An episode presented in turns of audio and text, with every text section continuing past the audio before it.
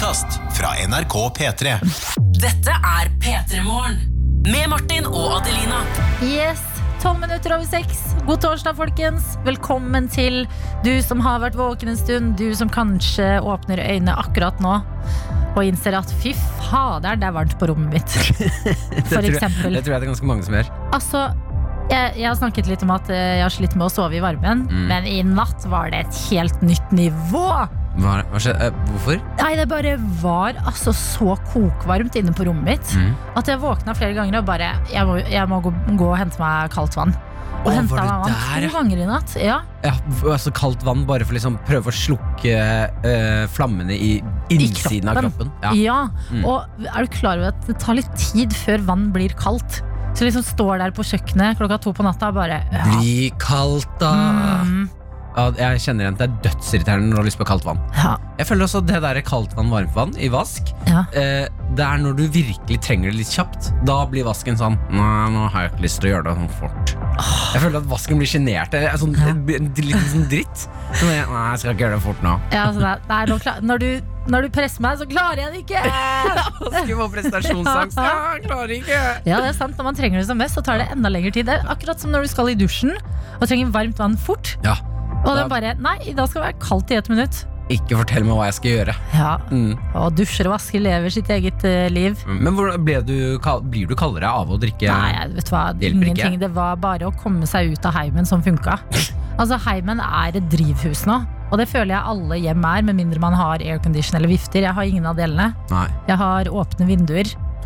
Ja, og det er ikke bra nok hvis ikke du får gjennomtrekke hele stedet du bor. Gjør ikke det. Nei. Så eh, ja, det har vært en het natt i mitt liv. Og det er bare fordi det har vært utrolig varmt og klamt. Åh, det er slitsomt, altså. Vi må faktisk si god morgen til deg der ute òg, som har aircondition, og som nå Ja. våkner med sånn vondt i halsen fordi du dumma deg litt ut og satt den på sånn 15 grader. Ja, den der sydenforkjølelsen. Ja. Når du våkner på morgenen og bare ah, Jeg er groggy i stemmen. Tett i nesa og bare Åh, jeg har blitt forkjøla. Det er det verste. Det er det verste. Ja. Så aircondition er ikke bare bare det heller. Ja, man skal være forsiktig der nå. Forsiktig. Vifte, har du det, eller? Jeg? Ja. Nei, men jeg har jo heldigvis to verandaer. Så jeg setter jo opp Tenk at du har det. Jeg vet det, det er helt vilt. Du er ekkel innimellom, Martin. Jeg er jo ikke med vilje. Jo, du er det. Ting bare Tenk at du er en fyr med to verandaer og hund, liksom. Ja, ja, Hun jobbet knallhardt for å komme dit. Klarer ikke å ta på deg matchende sokker engang, liksom. Så bare Ja, det er to Det verandaer. er Det er der jeg det er ikke det jeg prioriterer. Nei, Sokker du, er ikke det jeg du prioriterer jo riktig. Ja. Jeg har matchende sokker. Alt annet Ja, er bare glem, glem, glemme sokkene, Adelina. Tenke på hunden. Jeg har feil fokus i livet. Ah. Men det er veldig deilig, det. Altså. Så jeg klarer meg jo fint. Ja, Mm. deilig. Men eh, i dag tidlig så sovnet jeg faktisk i dusjen. Bare så det er sagt. Nei, det går ikke an. Jo, helt, helt ekte. Nei, Det går ikke an å sovne i dusjen. Da Åh. dør man. Hm? Du, kan, du kan ikke sove i dusjen, da kollapser du jo. Nei, jeg, har, jeg kan sitte. Jeg har funnet ut det, fordi jeg har fått, eh, ny, jeg har fått ny dusj med et, litt sånn trøkk i. eh, sånn at det er skikkelig god stråle.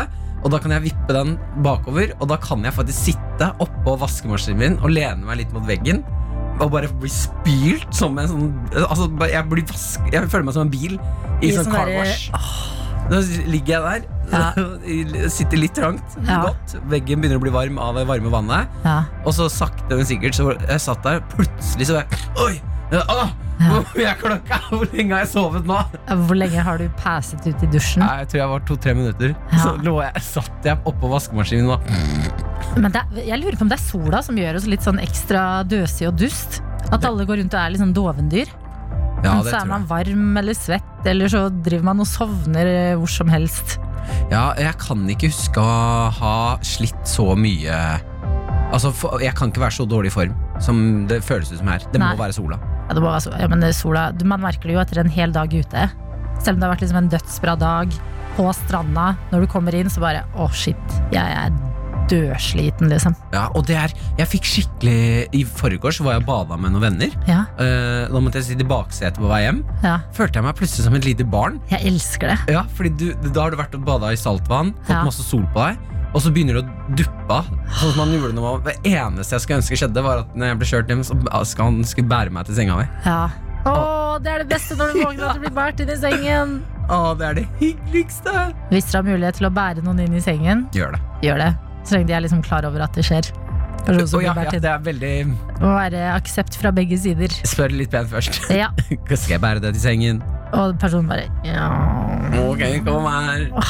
ja, ja. Nei, men det er nå en eh, torsdag. Den skal gripes, den også. Skal den ikke det, da? Jeg, Absolutt. jeg har vært litt nervøs for i dag. Jeg. Hvorfor Fordi det? vi får så fint besøk. Vi får sånn ekte smarting på besøk i dag. Ine Marie Eriksen Søreide, som er utenriksministeren vår. Kan du ikke si det til henne? Nei, jeg tør du, er ikke. sånn, du er sånn ekte smarting. Nei, men jeg sier det til dere andre nå. At jeg blir litt sånn Å, herregud, nei, oh, nå må jeg ikke dumme meg ut. Det er mange ganger når vi har gjester at jeg ja, det, altså, dumme meg litt ut, og det går greit, tenker Ja. jeg. Men i dag har jeg ikke lyst til det, og da er det så typisk at det skjer. jeg gleder meg utrolig mye. Det er altså fullt program i dag, og du er hjertelig velkommen inn, du også. Du som har skrudd på radioen din, er med oss. Sitt foran radioen din, kanskje. Kanskje du er på do akkurat nå, eller på badet, ordner deg. I bilen. Rulleski, båt. Sykkel, båt, Ja, boblebad. hvis du er i båt nå. Cruiser inn i soloppgangen. 1987 med kodeord P3 eller Snap NRK P3morgen. Der når du oss.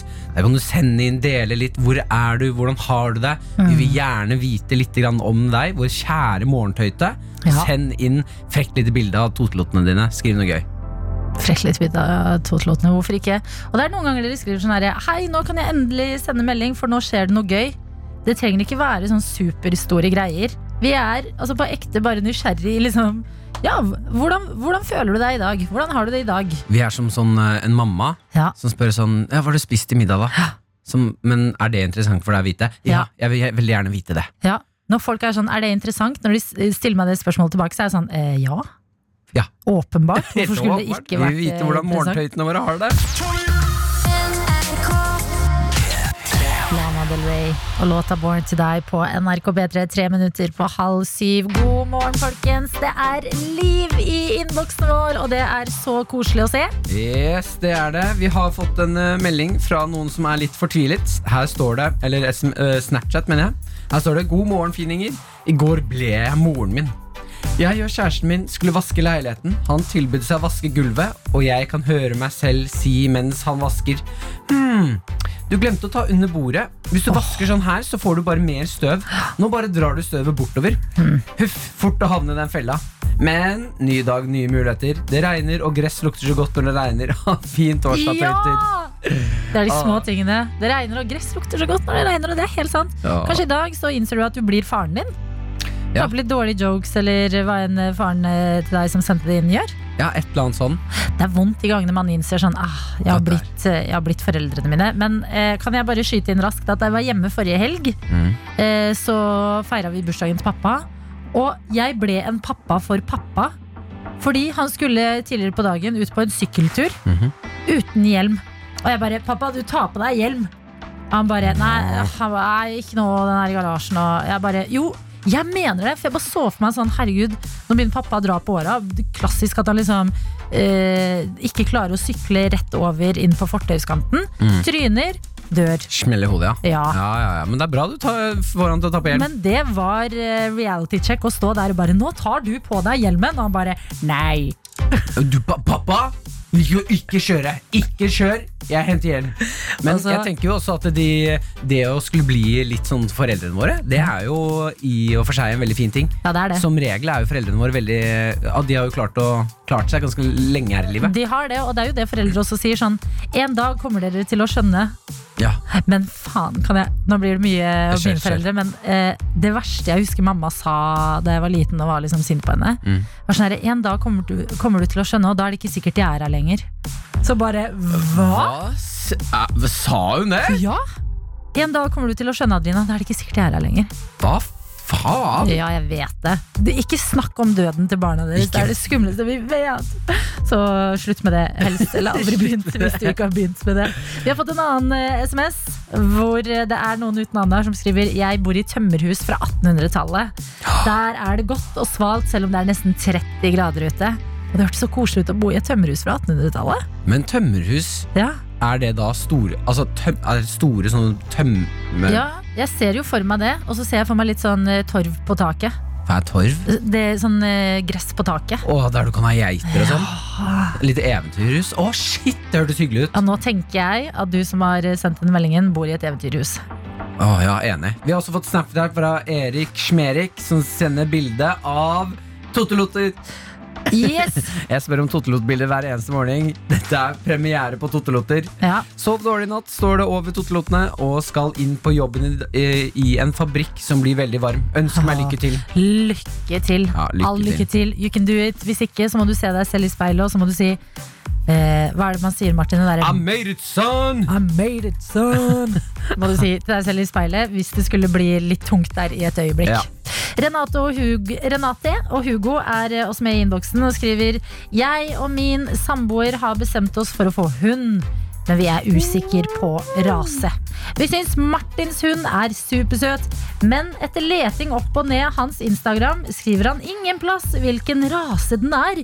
Hjelp oss! Spørsmålstegn, spørsmålstegn, spørsmålstegn. Nei, eh, jeg har svart en del. Altså, det er, legger jeg ut bilde av hunden min, så får jeg kanskje jeg vil si oppimot 20 meldinger innen en- et døgn på hvilken rase det er. Du burde bare ha den fast på sånne høydepunkter. En sånn en- Mumphy. Ja. Trykker folk på det bildet, så bare Mumphy er en Skal jeg si hvilken det er? Ja, du må jo det. Nei, jeg må ingenting. Jeg må ikke si det hvis jeg ikke vil. Det er en schæfer. Nei, er det en schæfer? Hva er det du sier? Det var et humor. Ikke kall Mumphy en schæfer. Hva er galt med schæfere? De er så skumle. Nei, det er det vel ikke? Jo, noen schæfere. Å, vent, da. Er det ikke en uh, film om en schæfer? Nei, det var en TV-serie. Rex.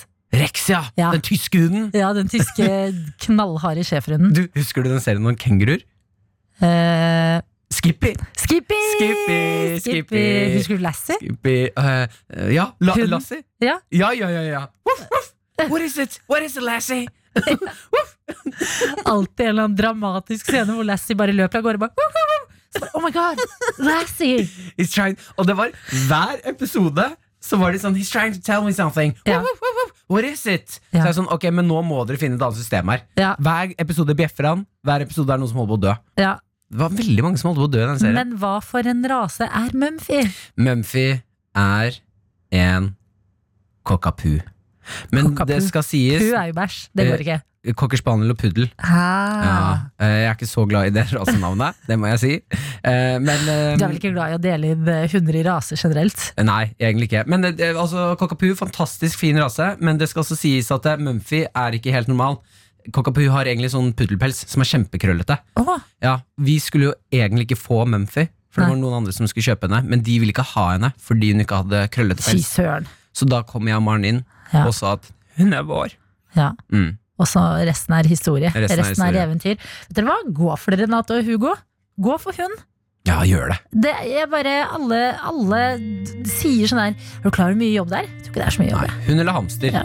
Ja, ikke sant? Eller en gullfisk. Hvorfor ikke? Petremorne Med Martin og Adelina. Mine damer og herrer, nå har det skjedd. Nå kommer altså Eurovision Song Contest. The Story of Fire Saga Ja. med Pharrell, eh, Will Ferrell. Tenk på det. Eh, altså Det her er filmen eh, som eh, de har laget. En parodi på Eurovision eh, Song Contest. Ja, fordi eh, Will Ferrell er vel gift med en svensk Han har svensk kone. Mm. Og har blitt veldig Sånn som jeg har skjønt det, så har han utrolig mye elsk for Eurovision. At han liksom Han ler av det, men fy søren, han koser seg med det. Fordi i Sverige er du klar over hvor For jeg tenker sånn, ok, vi er Eurovision-fans i Norge, men i Sverige er det helt sjukt. Er det det? ja? Ja, ja, ja. Vi skulle jo ha, eh, da jeg eh, studerte, så hadde vi liksom Vi var en gjeng med nordmenn som hadde tenkt å samle oss og se på Eurovision. Så hørte vi om festen til svenskene. Som bare var helt sånn klikkorama. Alle hadde kledd seg ut som et eller annet bidrag fra et eller annet år.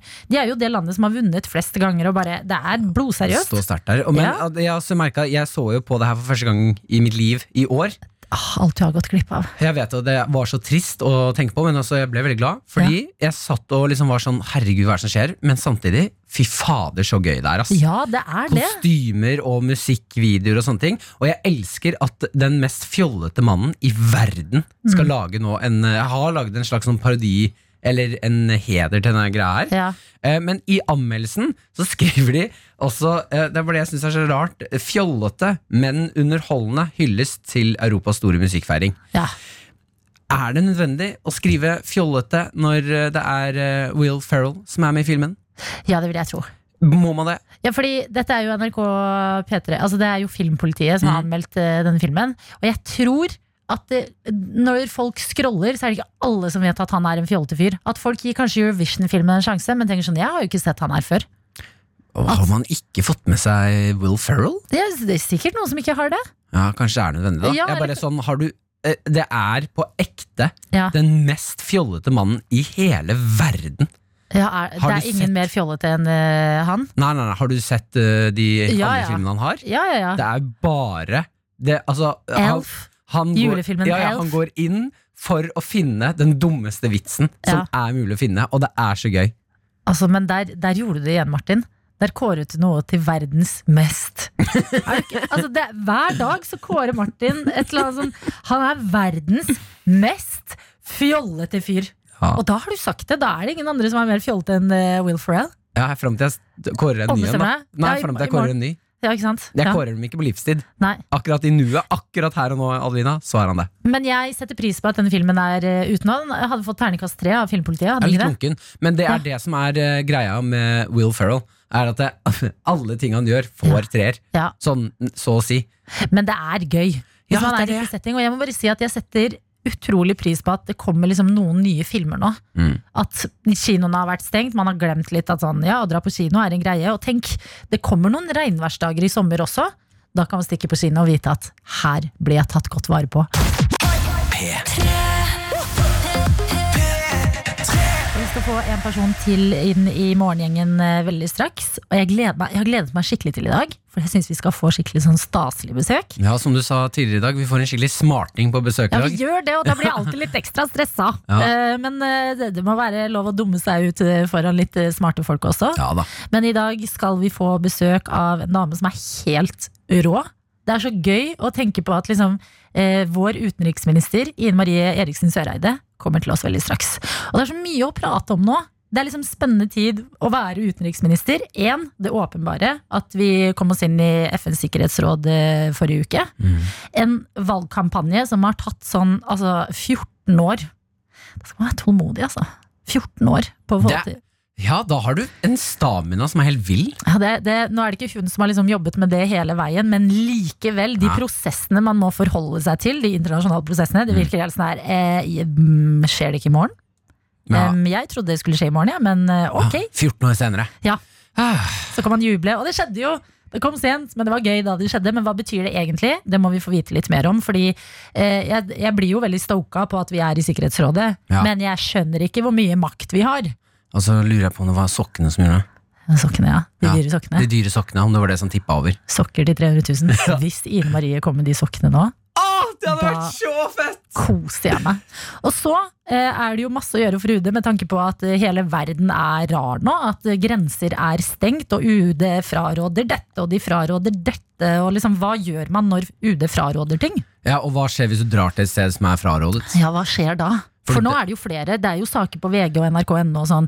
Eh, trosser UDs reiseråd, stikker til Spania. Ja. Oh, Ja, og tenk da, fordi at badass.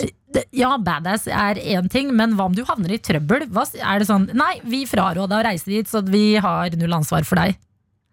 Worst case scenario. Å, det hadde vært så kjipt. Alt dette det skal vi finne ut av når vi får besøk veldig straks. Ine Marie Eriksen Søreide er på vei til oss, folkens. Med Martin og Adelina. Miss Li på NRK P3 og låta du har fått, den heter Kompliserad. Og mens du har hørt den låta, så har vi fått besøk her i studio og kan si velkommen og god morgen til deg, utenriksminister Ine Marie Eriksen Søreide. God morgen. Altså Det er 100 ting å prate med deg om. Fordi jeg kan se for meg at det er en veldig spennende og ikke minst krevende tid å være utenriksminister nå. det er det. Eh, FN må vi selvfølgelig innom, Sikkerhetsrådet. Men nå som vi, nå som vi vet vi er inne, Mm. er det sånn at du slapper av litt mer? At du har litt mer ro i kroppen nå? Det jeg merka i går kveld, og da var det jo ei uke siden avstemminga. Og da merka jeg at jeg hadde sånn veldig Jeg var så utrolig trøtt på kvelden. Og det tror jeg er litt den derre at mye av spenninga nå endelig forsvant. Og så går jo alt på høygir fortsatt, men akkurat den lille delen der, den eh, Men, eller åh, lille og nå lille. kan jeg slappe av litt av. Ja, altså, det, det er liksom en virkelig sånn utrolig utladning på en måte, for det har gått og vært så spent så lenge. Ja, så I 14 år? at- Ja, eh, Spenningsnivået har ikke vært like høyt. men, eh, men særlig de siste månedene. Men du smiler og altså, Du virker veldig sånn zen nå. Eh, ja, det er fordi jeg sitter så veldig godt. Dere Å, ja. så utrolig. Det er stolen vår. Ja. Det var Peter Morgen som skulle til for å komme i zen. Altså, jeg merker at idet jeg kom inn her, så liksom kom alt i balanse. Det er fint å høre. Det er deilig at vi kan gi deg noe også, oh, Ine. ja. Men når du da liksom endelig får litt tid eh, Jeg kan se for meg at det har vært veldig hektisk frem mot den avstemningen, og at eh, det koker og det er lange dager på jobb og sånn. Er det sånn at du nå den siste uka har liksom tatt, litt mer, eh, tatt deg mer tid til å gjøre ting du syns er gøy, sånn utenfor jobb? Altså, Jeg skulle jo ønske det. Men eh, jeg må si at etter eh, pandemien kom, så har jo vi har fått nye måter å møtes på. Så nå er det videokonferanser og telefoner hele tida. Og det var jo veldig sånn intenst før avstemminga til Sikkerhetsrådet, men det har jo bare fortsatt etterpå. For nå tenker jo alle at alle utenriksministre i hele verden har tid hele tida. Ja. Så for eksempel i morgen kveld så skal jeg være med på videokonferanse mellom fem og sju med masse andre utenriksministre. Og det er jo ikke sånn at eh, det er jo ikke meldt noe fint vær i morgen kveld. Nei, eller noe sant. sånt. Men sånn er det. Å, fy søren, ja, for det har jeg ikke tenkt på. Alle, alle i de forskjellige landene har jo forskjellig tid. Ja, det. Sånn at Hender det at du må ha en konferanse midt på natta liksom, på video? Nei, ikke midt på natta, men, eh, men det er jo ofte veldig tidlig morgener eller seine kvelder. Ja. Eh, Men det går helt fint, det, altså. Men det er litt sånn rart. for Det er jo, jeg, har ikke, jeg har ikke vært om bord på et fly siden 4. mars. Og det er en ganske corny ting for en utenriksminister. Er ikke det litt deilig også? Jo. Men altså, du må jo ha litt ferie inne Ja. på et eller annet tidspunkt. Har Du noe, du skal ta litt fri i løpet av sommeren. Ja, ja, ja. Ja. Det må jeg. Eh, Hva gjør du for å slappe av da, når du først har deg ferie? Altså, jeg, jeg må bare innrømme at jeg er innmari glad i bysommer. Jeg syns det er kjempefint å være i Oslo om sommeren. Eh, ofte fordi det er litt mindre folk. Det tror jeg ikke kommer til å slå til helt i år.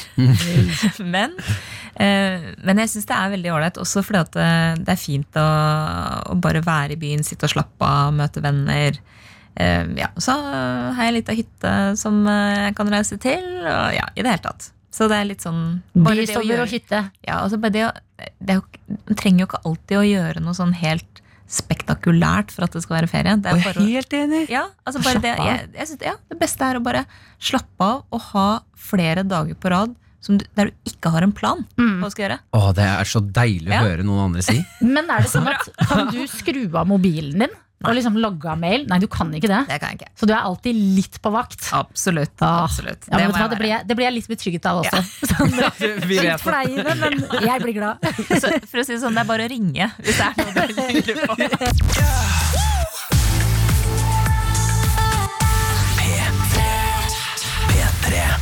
Vi har besøk i dag, og vi har besøk av utenriksministeren vår. Det er deg, Ine Marie Eriksen Søreide.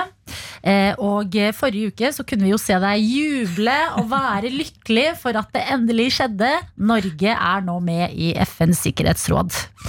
Det er jo jeg må innrømme Når jeg ser folk juble, så jubler jeg litt sånn på automatikk. Jeg blir sånn, nå skjer det store greier! Og jeg skjønner at det er stort, men hva får vi? Hva får lille Norge ut av å være med i FNs sikkerhetsråd sånn egentlig?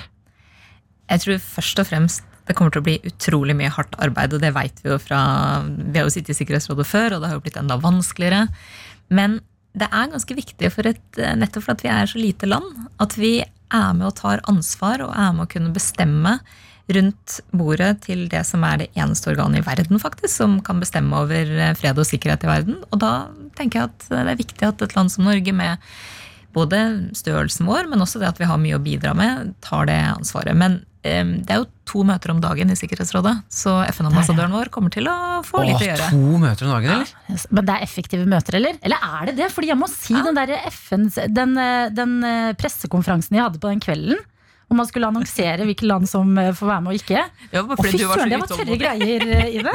Altså, det, please si meg at det går litt mer radig i FN. Ja, altså, jo, det gjør det nok. Altså, og møtene er jo liksom variable, og det er jo masse eh, komiteer og, og forskjellige også under Sikkerhetsrådet som vi skal jobbe i. Men jeg må innrømme at jeg, tenkte akkurat som deg den kvelden, eh, for vi venta jo en stund på det resultatet. Og jeg, jeg følte meg som onkel Skrue i pengebingen. Jeg gikk og gikk og gikk og gikk fram og tilbake. Så jeg altså sånn gågrop oppe på møterommet. Og vi venta og venta og venta på det resultatet. Og så er det jo liksom, Det som er så nervepirrende også, er jo at det holder ikke da å få nok, eller altså få flest stemmer. Du må ha to tredjedeler av de som har møtt fram for å stemme. Sånn at vi visste jo at vi hadde en sånn terskel som vi måtte over. Og så begynte det å svirre sånn, Det kom ut en twittermelding om at Irland var inne.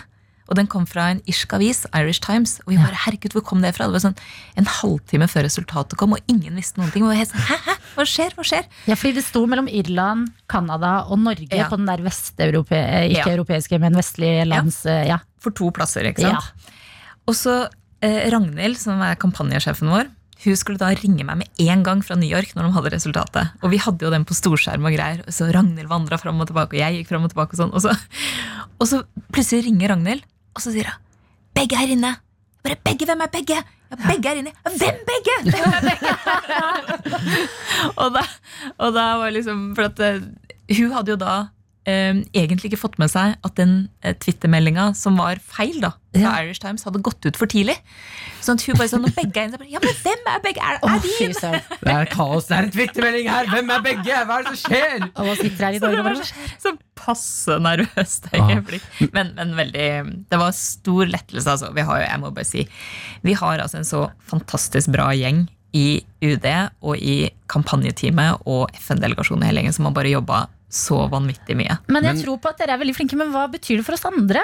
Ja, altså, Så hva, vi, hvordan kan jeg skryte av at vi er medlemmer i FNs sikkerhetsråd? Hva kan jeg slå i bordet med? hva du, ja. Nei, altså, Du vil bare ut og skryte, da, Lina. Ja, det er stort. det er liksom når du reiser på ferie i utlandet, så bare sånn, vi er faktisk med i Sikkerhetsrådet. Ja. You know Norway, we're in the FN, so The beer is really expensive, and also we're in the UN. Uh, you probably know Security Council. Yes, Yes. so that's us. Ok, Så du trenger egentlig en feriepitch, du. Ja, jeg trenger egentlig bare å vite sånn Jeg er stalka, men jeg skjønner ikke helt hva Altså, hva kan lille Norge gjøre i Jeg, verden? jeg, skal, jeg skal si det er én viktig ting som vi kan gjøre. Vi har jo drevet i 30 år og mer enn det med fredsavtaler og fred og forsoning. Så vi kan mye om det. Og det trenger Sikkerhetsrådet. Den kunnskapen og det nettverket vi har, det at vi snakker med alle, og at vi har et godt forhold til alle de faste fem medlemmene i Sikkerhetsrådet. Mm. Det er viktig. Så der har vi noe veldig konkret som vi kommer til å jobbe med i Sikkerhetsrådet. Mm. Men de her fem, eh, fem landene som alltid sitter, stormaktene på en måte, de har jo vetorett. Mm. Så kommer vi til å liksom Hvordan får vi gjennom ting? Det er én vetorett, så får vi ikke gjennom det. Ja, men det er ikke, man går ikke rett på veto. Vet du. Det er, eh, vi trenger 9 av 15 stemmer for å få gjennom ting. Ja. Og så trenger vi at ingen legger ned veto. Og det er faktisk mulig. Og svenskene har vært kjempeflinke. Fått til masse. Ja. Med å liksom være litt kreative diplomater, og sånn, som små land jo ofte kan være. Men hva vi, vet vi allerede én ting vi har lyst til? Altså vi, for å si det sånn, vi veit jo ikke nå hva, som, hva Sikkerhetsrådet kommer til å jobbe med. Og det veit man jo aldri. Men vi skal begynne vi skal, si, i lære fra 1. oktober. Yes. Da går vi inn som observatør i Sikkerhetsrådet. På kurs, liksom? på kurs. Et slags kurs. Ja. Eh, så da får, får vi jo både bli kjent med de andre vi skal sitte sammen med, de som også er valgt sammen med oss nå. Og så eh, begynner vi å jobbe med de tinga der vi mener at vi har en, en, liksom et spesielt fortrinn. Og fred og forsoning er jo noe av det. Og så er det noen land som vi har jobba mye med, som f.eks. Colombia, som Midtøsten eh, og sånne ting der vi har mye erfaring og kompetanse. Så det, eh, det er sannsynlig at vi kommer til å gjøre. Men sist vi satt i Sikkerhetsrådet for 20 år siden, så visste vi jo ikke hvilken sanksjonskomité vi skulle lede, f.eks. Og da ble det Irak, og det var det ingen som helt eh, hadde sett for seg. Og det er jo fordi at da var det det som plutselig sto på dagsordenen da vi satt i rådet. Men må man bare ta litt det man får mens man er inne? Eller kan man komme inn med liksom egne interesser og være litt sånn Ja ja, jeg skjønner at det, det er mye Irak nå, men hør på oss, vi har dette på agendaen vår. Ja. Nei, altså du kan si at vi eh, alle landene diskuterer jo seg mellom hvem som skal sitte og lede de forskjellige komiteene. Og sånn, og vi skal jo også en gang i løpet av perioden være president i FNs sikkerhetsråd. Yes. Ja, Det går på rundgang mellom alle skryte, Ja. ja. Altså, men da må du reise på ferie sannsynligvis i januar 2022 for at du skal kunne skryte av det i utlandet. Og du kommer til å bli et monster, Adelina. Ja, jeg kommer til å bli The beer is very Du kommer til å bli- expensive, and we have a president in Norway. So Ja. Du, kom- du kommer til å bli vår råeste sikkerhetsrådsambassadør. Ja! ikke gi henne den tittelen! Jeg skjønner det blir veldig vanskelig for deg nå, men ja, men vet du hva? Eh, Ikke gi henne den tittelen! Men jeg lurer på én ting. Når i denne kampanjen, for å komme seg inn, eh, var det et sjakktrekk eh, med disse sokkene? Det var et eh, kjempesjakktrekk. Var det det, altså? Altså, De er ekstremt populære, og du skulle bare visst hvor mange forskjellige mennesker som går rundt med de sokkene. Altså disse, For du som hører på nå, vi eh, brukte litt penger på sånne rosa sokker. Med Eh, gullhjerter. Med gullhjerter. Eh, og det, jeg syns det var så sprøtt da jeg leste om det. Ja, at det, det- var en taktikk. Jo, men, nei, men altså, det, det er ikke en taktikk, akkurat. Men ikke sant? i en hvilken som helst vanlig valgkamp da, så må du jo ha merch. Ja. Altså, Det har jo alle valgkamper. Vi har Petter Morgen-kopper, men vi prøver ikke å komme inn i noe. jeg meg. Ja, du prøver jo faktisk å komme inn i det. men, men alle valgkamper har merch, ikke sant? Ja. Og så eh, er det jo sånn at Vi kunne jo ikke la Irland og Canada få lov til å holde på med sin merch og markere seg og liksom vise fram eh, noe som var stilig. Så vi tenkte at ja, da får vi gjør det også, selvfølgelig. Og Så skulle vi ha det beste. Ja, Og det hadde vi. Ja, det var ikke bare sokker, da, men det også. Ja, det er sokkene som er kulest. Ja, det er, eh, det er et syn. Dette er P3 Morgen. Med Martin og Adelina. Vi har besøk av utenriksministeren vår, Ine Marie Eriksen Søreide. Du er her hos oss, og du har fortalt oss hvorfor det er så viktig at vi er i FNs sikkerhetsråd, som vi jo nå er. Er vi. Og en ting jeg har tenkt litt på, fordi eh, du er utenriksministeren vår, og du er den første kvinnelige utenriksministeren. Som jeg syns er litt rart å tenke på, eh, fordi Norge ser jeg på som et ganske fremoverlent land på mange måter. Og når du er den første kvinnelige utenriksministeren, så lurer jeg på liksom, hvordan ser det ut i resten av verden? Hvordan er dine kollegaer? Tar de deg seriøst? Merker du at du må jobbe litt ekstra for å få ordet? Nei, altså jeg kan si sånn, Generelt så er det jo ikke det er jo ikke sånn ekstremt feminint miljø blant utenriksministre. Det vil jeg ikke si. Det er eh, ganske mange menn. Eh, og jeg er jo en del yngre enn de aller fleste også. Men, eh, men jeg har aldri opplevd at det har vært noe problem, egentlig. For jeg, jeg, var jo forsvarsminister i fire år før det, og jeg har mange kollegaer som jeg var forsvarsminister sammen med, som nå er utenriksminister også. Eh, så jeg har jo eh, et ganske bra nettverk etter hvert eh, sånn ute. Så jeg tror egentlig det handler om for meg som for dere og for alle andre, at du må bare kunne sakene dine. Det er jo egentlig det som betyr noe. Ja, absolutt. Jeg bare tenker på liksom sånn hvis, eh, hvis det er sånn at flere, altså de aller fleste andre er menn litt opp i alderen, så må det jo være litt sånn Oi, her skal en ung, uh, ung kvinne inn her. Bare fordi sånn er samfunnet, på en måte. Mm. Sånn, men det merker du ikke noe Det er ikke noe du merker noe til? Nei, egentlig ikke. Og jevnt over så, jevnt over så har jeg vært eh, minister i mange flere år enn dem også. Det går Ja. Ja, men jeg ser også for meg at når du sier eh, så rolig i et rom som du gjør nå, sånn Nei, jeg kan sakene mine. Ja. Da tror jeg ikke det er noen som sånn Ja, ok, jeg kødder ikke med hun. Nei. Hun, tror jeg, eller, hun kan sakene sine. Men vet du hva, det må jeg bare si til deg, Ine Marie. Du er en utrolig zen politiker. At det er mange politikere som kan være sånn dyng, dyng, dyng. Men deg er det faktisk litt sånn mykt å høre på. Det tror jeg kan være fint i en sånn setting hvor man er vant til å høre liksom litt sånn harde diskusjoner, f.eks. Som jeg ser for meg at det, Det er bak lukka Blir faktisk litt grann mer skremmende når du er så rolig. Ja. Nei, men, men altså, det, det er jo sånn i politikk internasjonalt også, som det er veldig mange andre steder, at du, veldig mye handler jo om å, å bygge relasjoner til folk. ikke sant? Altså det, og det gjør du jo ikke alltid ved å liksom sitte på et møte og holde et innlegg, men du må jo gjøre litt eh, andre ting som er hyggelige. Altså være Bry deg om kollegaene dine, være engasjert i dem på samme måte som du er med andre. Så, så det, er, det er en hyggelig side av jobben, da. Ja, og det er jo altså, det er ikke noe tvil om at eh, du er eh, god. Det er bare når resten av verden er som den er, så blir man litt nysgjerrig også. Men Ine, siden vi har deg her. Eh, det er jo en sommer som ser ut som blir veldig rar i år, med tanke på at man nesten ikke kan reise ut av landet. Eh, og eh, det her har vi hengt oss litt opp i, fordi nå, det, nå leser vi nyheter om at folk skal ut og reise, trosser UDs reiseråd og sånne ting. Hva betyr det egentlig når UD fraråder å reise et sted? Sånn, hvorfor bør vi ikke reise dit? Ja, da er det som regel da, i vanlige situasjoner så er det jo fordi at det er krig eller konflikt eller det har skjedd en naturkatastrofe, sånn at vi ser at nordmenn kommer til å få trøbbel når de reiser. Eh, kanskje er det vanskelig med å komme seg tilbake, vi kan ikke få hjelp av dem fordi at eh, vi også har måttet evakuere, f.eks. Men akkurat nå med pandemien så er det veldig annerledes. Vi har, UD har aldri før gitt et sånt globalt reiseråd som vi har nå. Men det er jo fordi at pandemien sprer seg rundt overalt. Og vi opplevde jo spesielt i mars at alt ble stengt ned. Fly gikk ikke, grenser stengtes, det var portforbud, eh, smitteverntiltak. Kjempevanskelig. Og så begynner jo ting gradvis å, å lette opp. Men det som Og det kommer, det er like rundt hjørnet med litt flere, flere råd og sånn også. Men, men jeg tror det man skal være klar over hvis man bestemmer seg for å trosse Reiserådet, for det er jo ikke noe forbud mot å reise, det er et råd vi gir. Det er at du må uh, være klar over at det er ikke sikkert reiseforsikringa det gjelder. Det er ganske, kan bli ganske Det kan bli heftig. dyrt. Det kan Ja. bli dyrt. Og så må du være klar over at når vi gir det rådet, så er det jo fordi vi ønsker å hjelpe nordmenn til å ikke komme i trøbbel. Det er egentlig hovedgrunnen Ja. til at vi gjør det. Dere Sånn gjør det ikke for å være kjipe. gjør det absolutt ikke for å være kjipe i det hele tatt. Eh, Men det er rett og slett fordi vi, vi ser at det kan være mye trøbbel for eh, nordmenn på reise, særlig. Eh, Ved det at liksom, flyet ditt plutselig blir kansellert, du kommer deg ikke på fly, du må Plutselig må du i karantene, og ting som du ikke har forberedt deg på. da. Så det kan bli dyrt å trosse UDs reiseråd, egentlig. Ja, og Det er ikke fordi at eh, UD tar betalt, for å si det sånn, men det er fordi at forsikringsselskapet ditt eh, kanskje bare sier at forsikringa ikke gjelder, fordi de er veldig opptatt av UDs reiseråd. Men det har vært veldig mye fokus på at vi ikke får reise ut. Men du som på en måte er, eller tidligere, før alt stengte ned, har vært mye ute og reist og sett liksom hva kulturutveksling kan gjøre. og sånn. Taper, vi, taper vi som land nå på at eh, Og da mener jeg ikke økonomisk, men sånn eh, Hva taper vi på at ingen andre heller får komme til Norge? Det er jo en utrolig sånn, rar situasjon. Um, og det å ikke reise gjør jo at du altså, vi, vi måtte jo snu oss veldig kjapt om det, må jo alle. Nå er det videokonferanser og telefonsamtaler og alt mulig sånt. Og det, jeg merker at det funker egentlig veldig greit, men særlig med de um, folka jeg kjenner fra før. Ikke sant?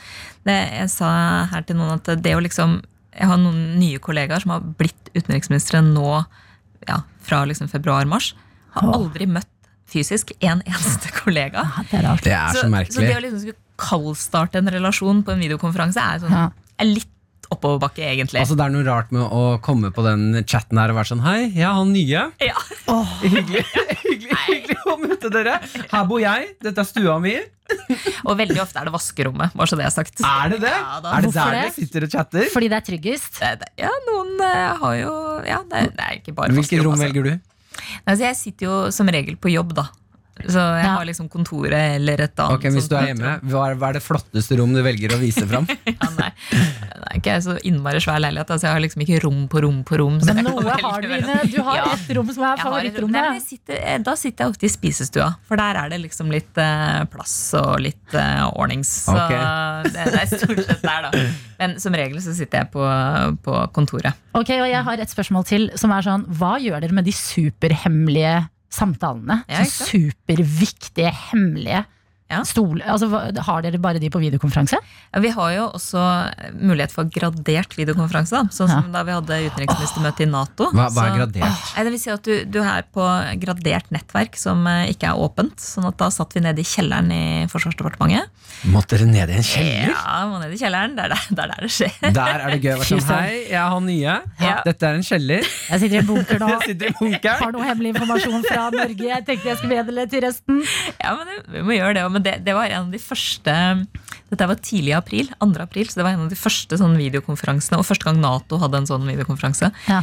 Og det som var veldig morsomt, var at eh, min gode kollega fra Romania eh, Der skjedde et eller annet krøll i teknikken. sånn at når alle var på sånn alle har sånn lite bilde på skjerm, Ja. så kom han inn opp ned. Ah. Og det var eh, litt eh, sært, for å si det sånn. Ja, Da ser det ut som det er noen som hacka seg inn. Ser ikke bra ut. Er opp ned. Vi må kutte. Ja, opp. off. kutt alle sammen. Ine Marie Eriksen Søreide, tusen hjertelig takk for at du kom innom P3 Morgen i dag. Tusen takk, men jeg må få lov til å sende en liten hilsen til Ida og Johanna på jobb. Jeg vet de sitter og hører på. P3 Morgen er eh, veldig poppis i store deler av UD. Og vi Nei, er er det også et international radio show, Oh, yes, så hvis du vil hilse til noen kolleger i utlandet, så er det mulighet for det òg. Jeg tenker at du skal få ta den jobben når du nå skal er rundt og drive Vet du hva, du, kom- du har skapt et monster her nå. Ja, du har det. Å, mine damer og herrer, det var Kings of Leon med Sex on Fire. For en sang det der er! Altså, så gira som du har vært nå, Martin Lepperød. Det er sjeldent. Ah, shit, ass, den er god. Den er eh, helt nydelig. Og Martin har et ønske hver eneste dag om å høre denne låta her. Den kommer ikke hver eneste dag, men når den kommer, Shit. Ja. Shit, god damn. Altså, eh, En eller annen gang i livet så skal jeg starte min egen radiokanal, og vi skal bare spille den. På repeat. På repeat. Hver dag, hele, hele tiden. Da skal vi straks høre Kings of Leon, og etter det så skal vi høre Kings of Leon. Og låta du nettopp fikk, det var Kings of Leon her, ja. Yes. Ok, det er tid for quiz. Ja. Vi må bevege oss bort fra Kings of, Kings of Leon og inn i Disney-verden. Fordi det er en Disney-quiz som venter i dag, og med oss har vi deg, Ola Tobias. God morgen. Ja, hallo. Hei, du. Du er med oss ifra Trøndelag i dag. Ja, stemmer det. All right. Hva, hvordan eh, start på dagen har du i Trøndelag i dag, da? Nei, veldig solrikt. Fin morgen her, altså. Jobber som snekker, så jeg har lyst til å kose meg inne i varmen. Og Hva er favorittting å snekre? Nei, det er lystverk, det. Det er det jeg går på, så. Til det. Du, hvor, hvor viktig er listverk? Fordi jeg var på en visning i går hvor listverket så litt sånn shabby, shabby gjort ut. Jeg lurer på, Vil det koste meg mye penger å fikse opp i det? Nei, det kan man jo alltid gjøre mye med suging, da. Men listverket er jo finishen av hele produktet, da. så det er viktig at det er fint. ser fint ut. Okay. Ja, jeg er enig. Ja, okay. Men du, Tobias, vi må, Ola Tobias, vi må spørre deg om det vi spør alle våre gjester om. Er du en tøyte? Jeg er en tøyte. Men er du en tøyte som kan din Disney, Ola Tobias? Jeg har nok sett veldig med Disney-filmer, så jeg vil nok fly det, altså. Må Ok. jeg ærlig innrømme. Tiden, tiden vil vise om du klarer det. Fire av seks riktige er det vi trenger. Jeg sier bare lykke til, Ola Tobias. Tusen takk for det.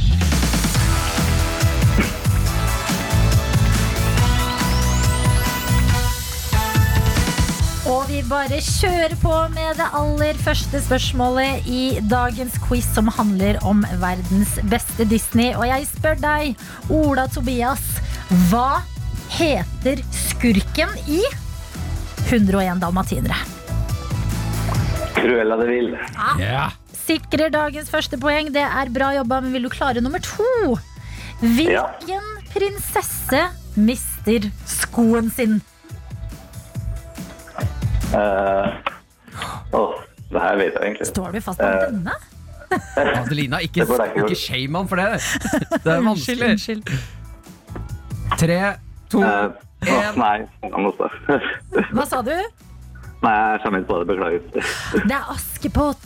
Askepott, ja. Askepott mister skoen, Ola Tobias. Men vet du hva, nå har du en gyllen anledning til å se den på nytt og tenke sånn, ja, men bare friske opp eh, minnet litt til en annen Disney-quiz en annen gang. Ja, får gjøre det i helga.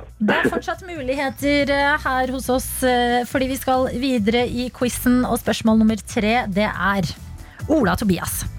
Du må tenke litt. Hvis livet ditt var en Disney-film, hva ville denne Disney-filmen hett? Uh, nei. Ola den fantastiske hunden. Ola, Ola den fantastiske hunden. Hunden! Det Ja. er poeng. Jeg, jeg gikk rett i prinsessa og snekkeren. jeg. Ja, kanskje det. Ja. Begge er gode. Poeng er det uansett. Og vi går videre, fordi i fjor kom det en remake av en Disney-klassiker hvor Will Smith hadde en sentral rolle som han fikk veldig mye oppmerksomhet. Ja, du er rask på der, men eh, jeg skal lese ferdig. Filmen er Aladdin, men, Overtenning fra Ola Tobias. men hvem var det Will Smith spilte? Han spilte Guinea. Det er Ja. helt riktig! Da mangler vi bare ett riktig svar, så er vi i mål, Tobias. Åh, ja. Ok, den her er litt tricky. Ola Tobias, kan Ja. du gi meg navnet på minst to av de syv dvergene i Snøhvit og de syv dvergene? Åh. Åh, kom igjen, Eh, Ola? Tobias. Tenk. Jeg skal gi deg et lite hint. Jeg skal gi deg et lite hint, Ole Tobias. Oi, ja. ja. Eh, minsten er kanskje han. Det er helt riktig, Ja. minsten er igjen. Da mangler du en til. Og, og Ja! Gratulerer, Ole Tobias! Yes! Tusen takk. Ja, Det gikk jo supert. Ja, det gikk på slutten der, altså. Du kan Det jo Disney. Men jeg bare spør dere nå. Eh, For dette tenkte jeg litt over i går da jeg lagde denne quizen. Eh, Mm. Snøhvit og de syv dvergene. Er det et navn som lever greit i 2020? Ja, det vil jeg tro, altså. Jeg har ikke hørt da. Altså, vil, du, vil du at vi skal bytte til Snehvit til syv kortvokste? Er det det du tenker? Jeg vil ingenting, Nei, jeg bare jeg spør. ja, jeg må si at det klinger ikke like godt. Hei, Snøhvit og ja, jeg, bare, jeg må stille spørsmålet, men eh, det, det er greit. Jeg stoler på dere. Takk til deg, Ola Jeg Tobias, for at du elsker var at med du på stilte quizen. spørsmålet til Ole Tobias. Det var ikke en del av quizen. Ha en nydelig dag på jobben, Ola Tobias. Ha det, ha det. Ja. Tusen takk for det. Ha det bra. Med Martin og Adelina. Du som står opp nå, du som er våken, vi skal inn i verdens beste hjørne. Det er Martins hjørne. Hmm. Der hvor alt kan skje. Og der kan alt skje. Ja, jeg har fått lov av sjefene til å få et eh, hjørne i uka hvor jeg kan gjøre hva jeg vil uten om de får lov til å si nei, dette her blir for dumt. Forrige uke så var det jo en løvblåser involvert her, med noe solkrem, og eh, det viste seg at eh, l- litt dårlig stemning var det jo at vi splæsja ned studio i solkrem. Ja, jeg fikk høre så etterpå Ja. at eh, det var noen som ikke var fornøyd med at mikrofonene her i studio var dekket med solkrem. Men det, her spør vi om eh, tilgivelse og ikke tillatelse. Helt riktig. Eller hvorfor sier jeg vi? Det er egentlig det er du. Du er like involvert i det her, Adelina. jeg er et offer for Martins hjørne. Men i dag så skal du ikke bli, være et offer. Okay. I dag så har jeg faktisk med en gave en, Jeg vil si en gave til deg, Adelina. Okay. Eh, Du snakket forrige uke om eh, Vi snakket litt grann om eh, kviser og sånn, og du er veldig opphengt i kviser. Syns at det er en gøy greie. Ja. Eh, mer enn det vil jeg ikke si. Jeg må preppe lite grann. Mm, det er en lang vei fra å si at jeg liker Dr. Pimple Popper, Mm. til at nå skjer det et eller annet kviserelatert i Martins hjørne. Ja, Det kan hende det skjer noe kviserelatert i mitt hjørne, fordi du elsker kviser. Eh, så jeg må preppe litt nå, og så kommer vi tilbake, og så kommer det altså en kviserelatert gave til deg og du som hører på.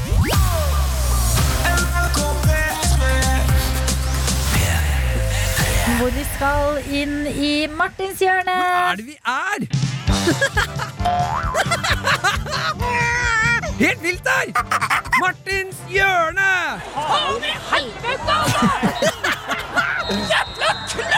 Hvor alt mulig kan skje! Hver, hver, hver gang jeg hører det, så blir det morsommere og morsommere. Faen i helvete, altså! Velkommen til Martins hjørne! Takk! Yes, Adelina, du snakket forrige uke om at du er så innmari glad i kviser.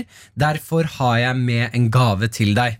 Ja, Hvorfor å... føles ikke dette som en god ting? Ja, Jo, jeg tror faktisk at denne gangen så kommer du til å bli ekstremt glad. Altså. Ok, Ja.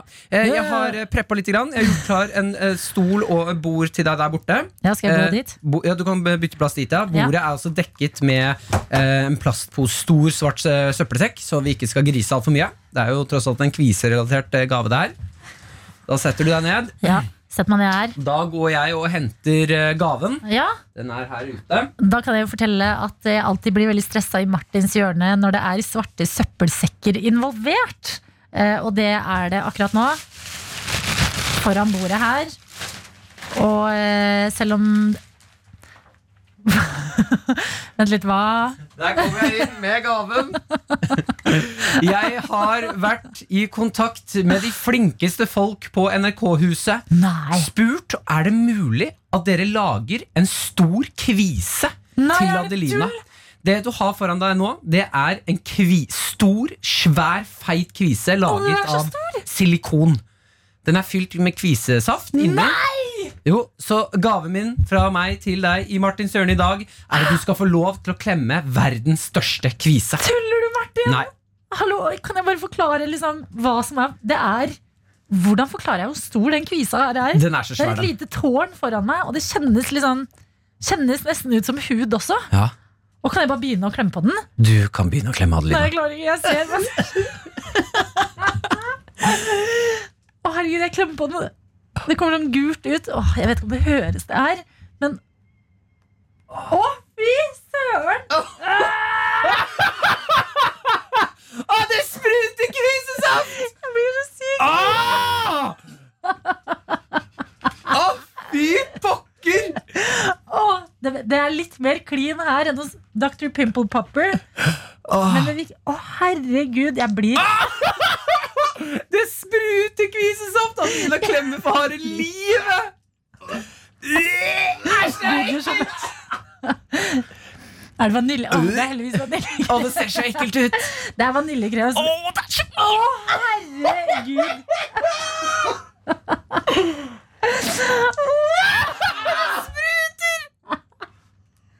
føles, Daniel. Og han brekker seg.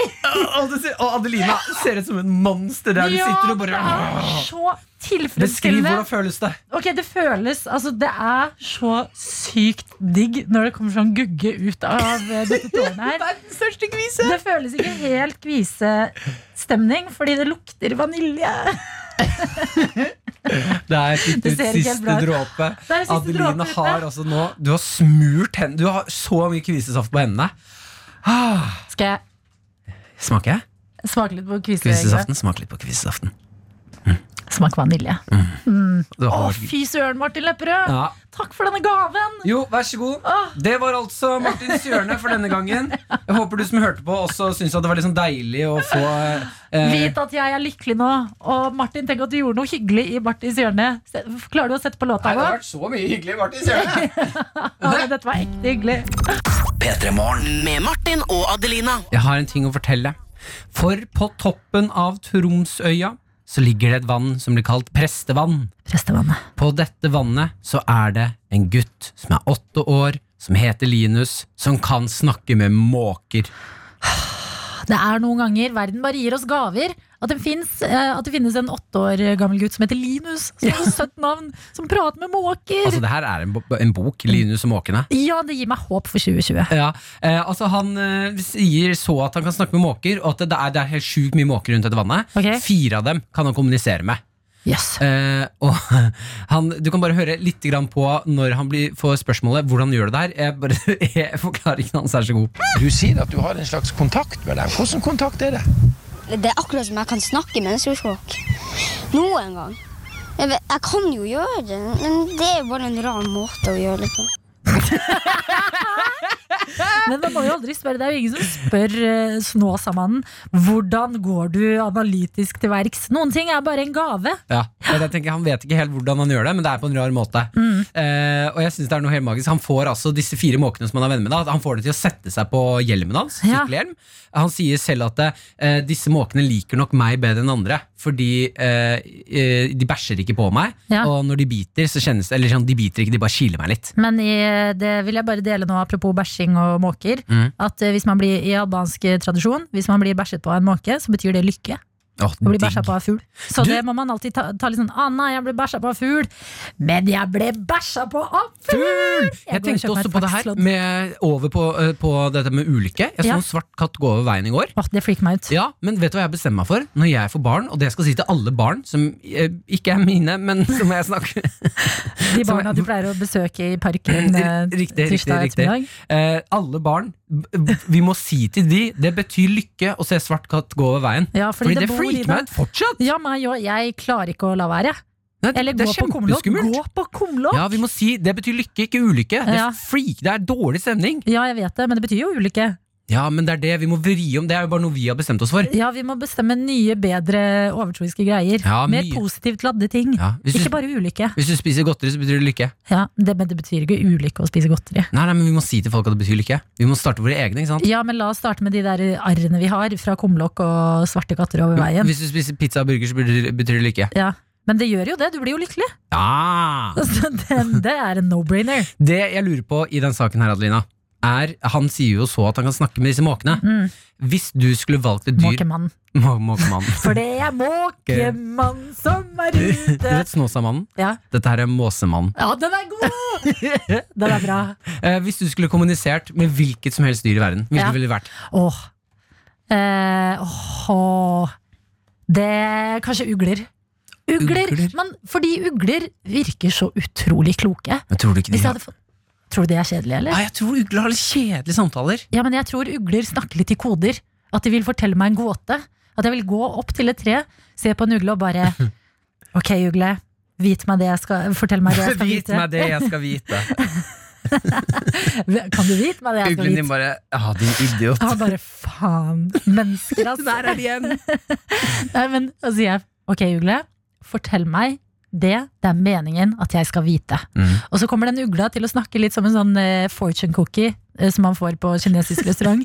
Og så kommer jeg til å gå rundt resten av livet og bare Hva betydde det? Helt til jeg plutselig befinner meg i en, i en situasjon eh, som var helt uforventa. Ja. Hvor jeg skjønner ah, Det var det den ugla sa den gangen! Ok, den er ikke dum, altså. Ja, jeg tror jeg går for ugle, bare fordi det er Jeg, jeg ser opp til ugler. Fordi de sitter i trærne. Ja, jeg skjønner, jeg tok, jeg tok. Hva med deg? Uh, faen, Mumphy? synes- uh, nei, Mumphy snakker jeg allerede med. Det går helt fint. Jeg kan snakke med Mumphy, det er ikke noe problem. Uh, men uh, hvis jeg skulle ha Det Tenk var hvis, du, tenk hvis du begynte å snakke med Mumphy, og du fant ut at hun hater dere. Bare æsj, mine menneskeeiere. Hvis, det, hvis du liksom Sånn, plutselig begynner å forstå sånn her kan jeg ikke tenke. Sånn her kan jeg ikke Men tenk hvis dere er i parken, Ja. og så møter Mumphy andre hunder.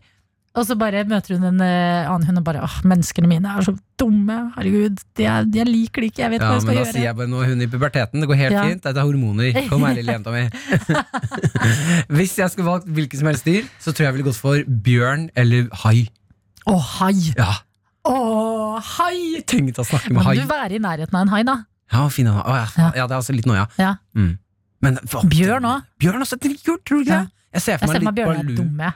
Ja, det tror jeg òg. Bare, bare er- basert på fordommer og roller de har fått i liksom TV-serier i ny og ne. Som Bjørn i Det blå huset. Veldig søt fyr, ikke så smart. Ikke så smart. Balu, veldig søt bjørn, ikke så smart.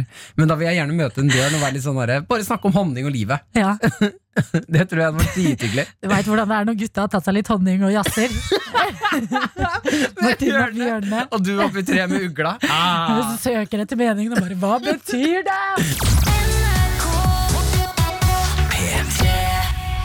Vi har jo to produsenter her i P3 Morgen. Ja, vi har Line. Ja, hun er på jobb i dag. Og vi har Dr. Jones, eh, som ikke har vært på jobb eh, på en stund. Og nå som det går mot ferie, så tenkte vi at vi skulle, vi skulle bare ringe han opp for å høre egentlig hva han driver med om dagen, og hvordan det går.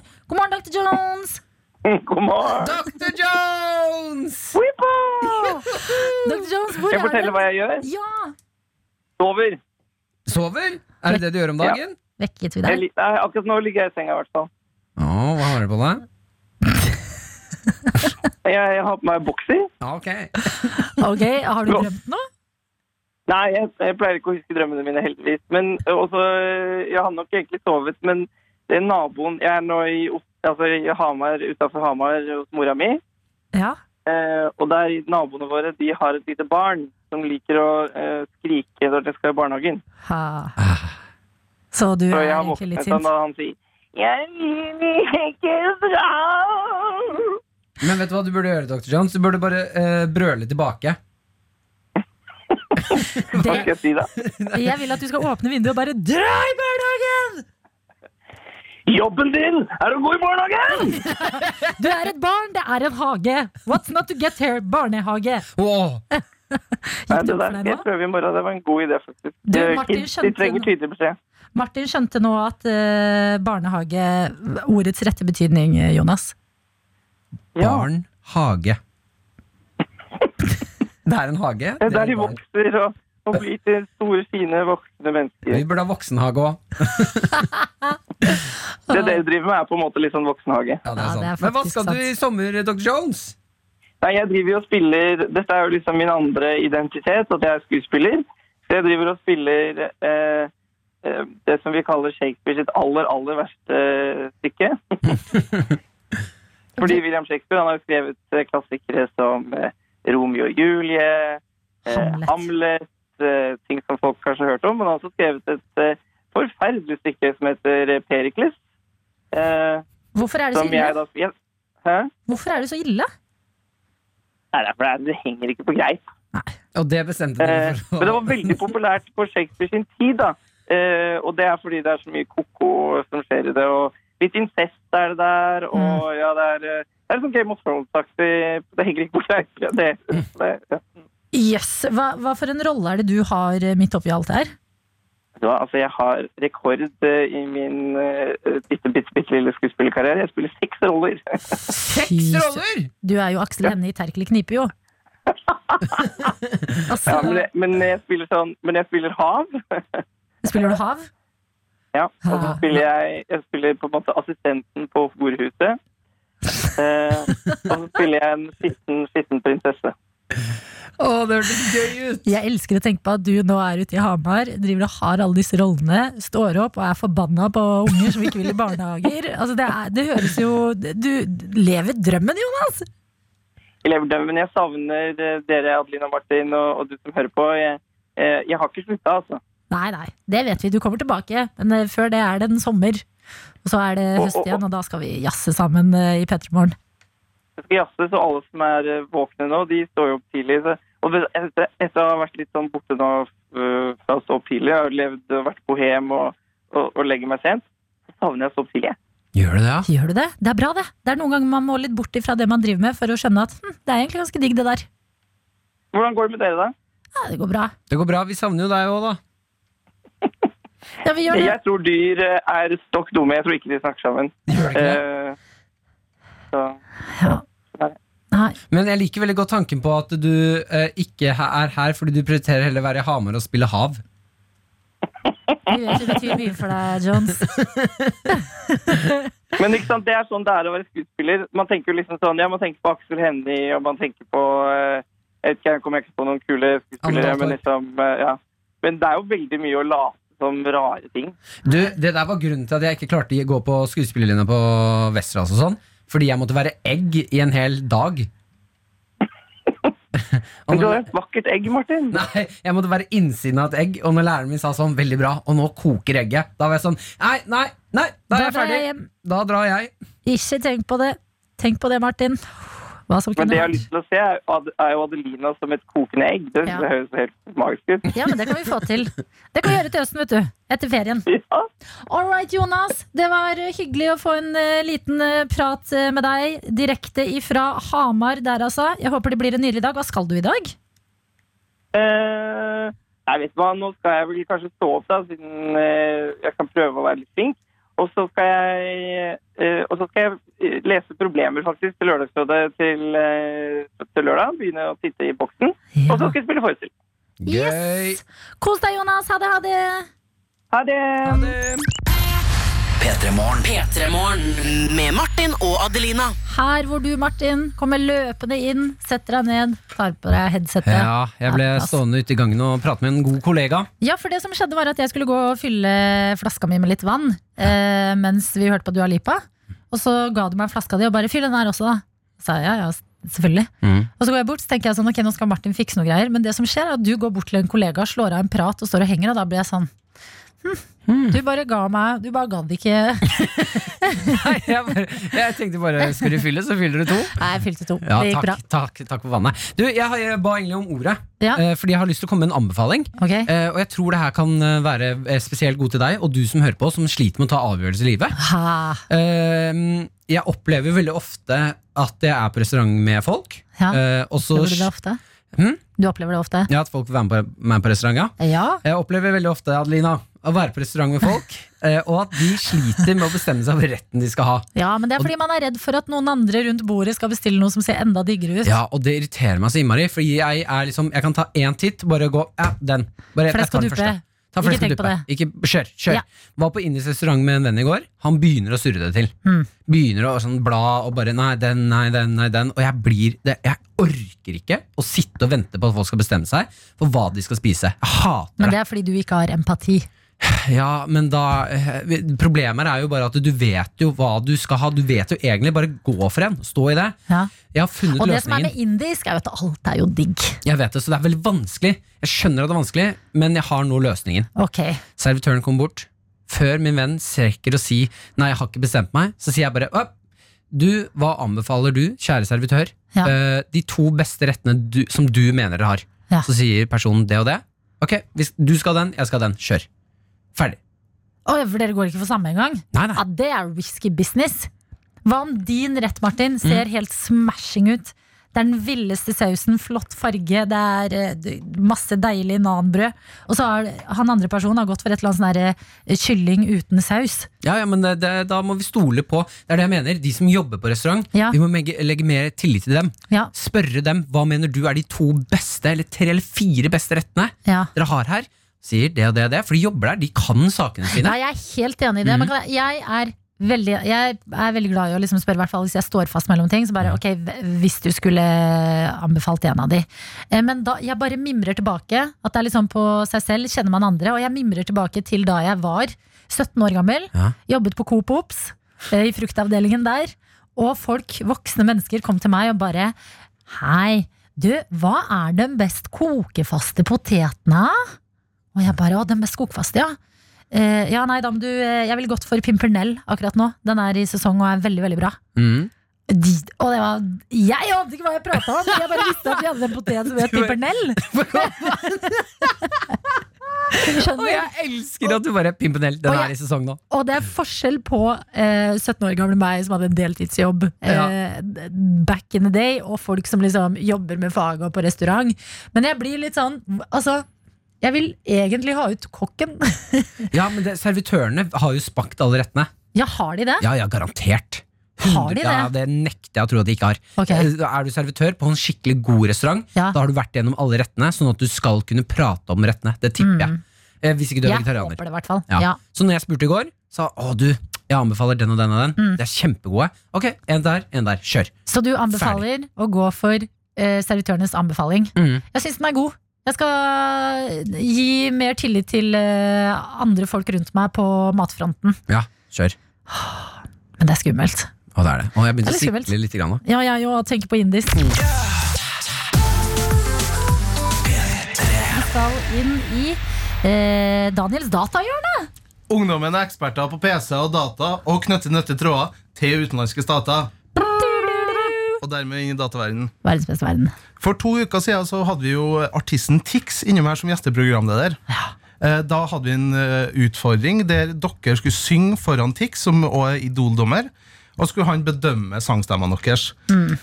Martin, du sang jo eh, Robin Williams sin låt 'Angels'. Riktig. Nei, Robbie. Unnskyld. Robin Unnskyld. Williams er noe det, det er alltid blanda. Ja, det-. Jeg Nope. beklager. Rip Robin Williams. Rip, rip. Uh, og da hadde, etter du sang Angels, så hadde Tix det her å si. Det der um, syntes jeg var mektig imponerende. Mm, tusen takk. Jeg syns det er imponerende at du klarer å treffe syv forskjellige tonearter. The Burn. The Burn. Eh, og på mandag nå så fikk jeg en e-post fra en kollega og lytter av P3 Morgen her altså i NRK. Han Ja. heter Vegard. Og sendte eh, oss en eh, e-post. der Han etterspurte en video ifra når du da sang um, Robbie Williams med Angels. Ok. okay. Uh, og da har han skrevet til meg, da for jeg har uh, alle videoer til P3 Morgen. og sånn Så han skrev til meg og sa uh, ikke si noe til de andre. Og så hadde Lina Martin. Jeg tenkte å prøve å spille piano til Martins sju tonearter gjennom den sangen. Ja! Fordi at den låta den går i E-dur. Ja. Og Martin er ikke, ed, er ikke innom E-dur i hele tatt. Skriv ja, av ikke. Vegard. Shit, Vegard får noen ører. Eh, så det jeg har med da til dere, er da Vegard som spiller på piano for å eksemplifisere hvor mange ganger Martin skifter toneart. So when I'm lying in my bed, thoughts running through my head, and I feel the love is dead. I'm loving oh, angels instead, and through it all, she offers me protection. I love love and affection, whether I'm right or wrong, and down the waterfall.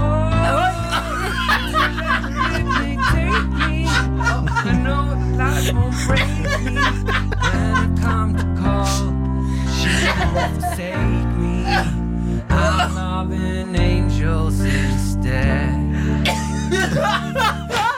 det Fy faen, det var helt rått! Ja, helt rått. Og det Vegard nevner jo at eh, For Tix nevnte jo at han var imponert over Martin sang i sju forskjellige tonearter. Ja.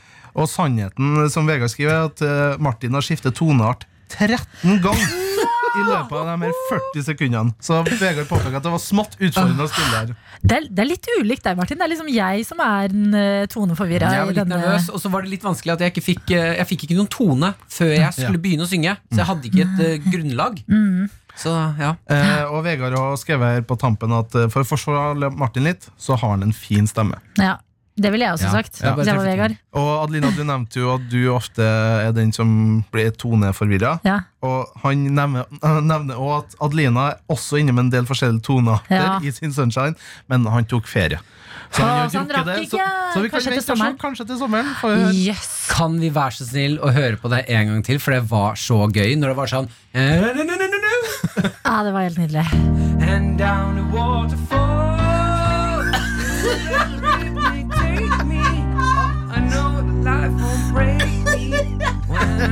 To call She won't forsake me I'm loving angels instead Å, fy søren for et Så- spill Tusen takk til Vegard som Ja. jobber i sporten her i NRK. Tusen Ja. takk, Vegard For en legende. Og takk til deg, da, Martin, for at du er, er den du er. Ja, 13 tonearter 13 tonearter. Neste gang Det er blir ikke det mange som kan skryte, skryte med. Dette er P3 Morgen. Med Martin og Adelina. Ja, vi skal snakke om Melissa, og nå er jeg redd for å si etternavnet feil. Bulon... Bulan Du har ingen grunn til å være redd, Martin. Dette Ja. klarte du kjempebra. Tusen takk, tusen takk, Adelina. Prøv igjen. Det er, men, altså, hun er filippinsk, så det er et litt eh, vanskelig etternavn. Ja. Melissa Bulan, Bulhan Hagui. Ja. Ok, Hun er altså eh, eh, filippinsk skøyteprinsesse, blir hun omtalt som her. Yes. Driver med skøyteløp, har gjort det. Vært, i, vært liksom et stort håp lenge. Mm. Eh, hatt gjennom tidene, skriver hun her i denne saken på TV 2, at hun har hatt veldig strenge foreldre, drevet kun med skøyteløp hele livet. Mm. Oppdaget på eh, college sin litt sånn slutty eh, side av seg selv. Hvor hun liksom fikk lov til å Det er ofte der man oppdager sin slutty side av seg selv. Ja, Når fikk begynner på college, bare vent litt. Ja, folde seg ut, Ja. som man ja, folde seg ut. folde seg ut. Ja. Eh, hun eh, sa til laget sitt, eh, at, eh, som hun eh, er skøyteløper for, Ja. at eh, jeg har veldig lyst til å melde meg på OL. Da sa de nei, vi skal selge vår juniormester til OL-mesterskapet. Okay. Da ble hun altså veldig veldig skuffet, sluttet, og bestemte seg istedenfor å drive med skøyteløp, at hun skulle Ja. gå over til porno. Ja. Og jeg syns det er noe litt vakkert i dette her. Eh, for det, porno får liksom mye hets for at det er liksom mye sånn diskriminering, det er ikke egen, man vet ikke helt hvor bra det er å se på. Men hun har altså funnet en stor lykke og pengeskilde i å være hjemme og, og være foran kamera. Og hun snakker sånn positivt om det, at hun liksom har funnet liksom en glede i det her. Og jeg syns det er noe liksom vakkert å tenke på. er, du ikke, ikke Hun enig? har, hun har funnet stor lykke og pengeskilde i å være hjemme foran kamera. Ja, Jeg, jeg syns det er vakkert. Ja. Altså, hun må jo gjøre det hun vil. ja, det er det jeg mener. Jeg syns det er noe litt vakkert her. Det er litt sånn på hver sin ende av skalaen, men begge er jo litt sånn show, da. Ja. Den ene er jo utrolig mye mestring og trening. Det er sikkert porno også. Mestring og trening. Ja, det tror jeg du må. Mm. Jøss. Og holde seg litt sånn oppdatert på hva som skjer der ute. Hva Ja, er det folk folk er gira på nå? Altså til alle som eh, nå liksom begynner på videregående for eksempel, Mm. og tenker sånn Ja, nå har jeg gått på håndball eller fotball lenge, jeg lurer på om jeg skal slutte. Hva med porno? Hva med bare Ok, da er jeg ferdig med idretten. Hmm, med bare kose meg og se på denne pengekilden hvis jeg bare setter meg foran kamera? Lykke og litt penger? Ja.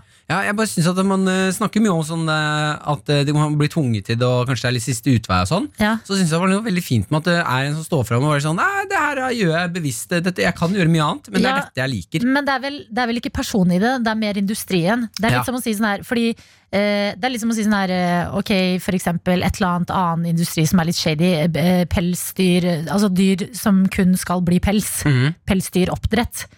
Sånn, jeg tviler ikke på at mange som holder på med det, har funnet gleden i det og eh, liker det. Og tjener penger på det.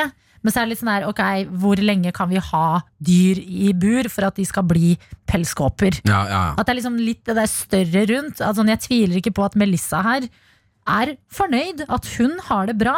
Men hun er jo en del av en eh, eh, industri som får litt mye kritikk. Og jeg må innrømme, jeg, altså porno det er jo helt Bermuda-triangelet-stemning. Ja, er Man vet jo ikke, altså Får de lønn? For, eh, har de, er de med i en fagforening? Ja, Melissa kjører for seg selv. Ja, men er, er de organiserte, liksom? Ja, det tviler jeg på. Ja, Men hun altså, har sånn- blitt kontaktet av eh, pornoindustrien, altså Pornhub og litt sånn. ja, Eh, og så sier hun selv at hun, jeg vil gjøre det på egen hånd, for da har jeg kontroll på hva jeg legger ut, og kontroll på mitt eget liv. ja. Så Ja, det det er syns jeg er fint. ja. Melissa, altså. Et forbilde for mange, det der. P3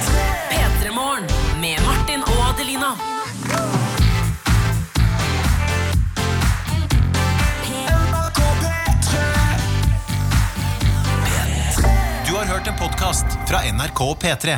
Hør flere podcaster i appen NRK Radio.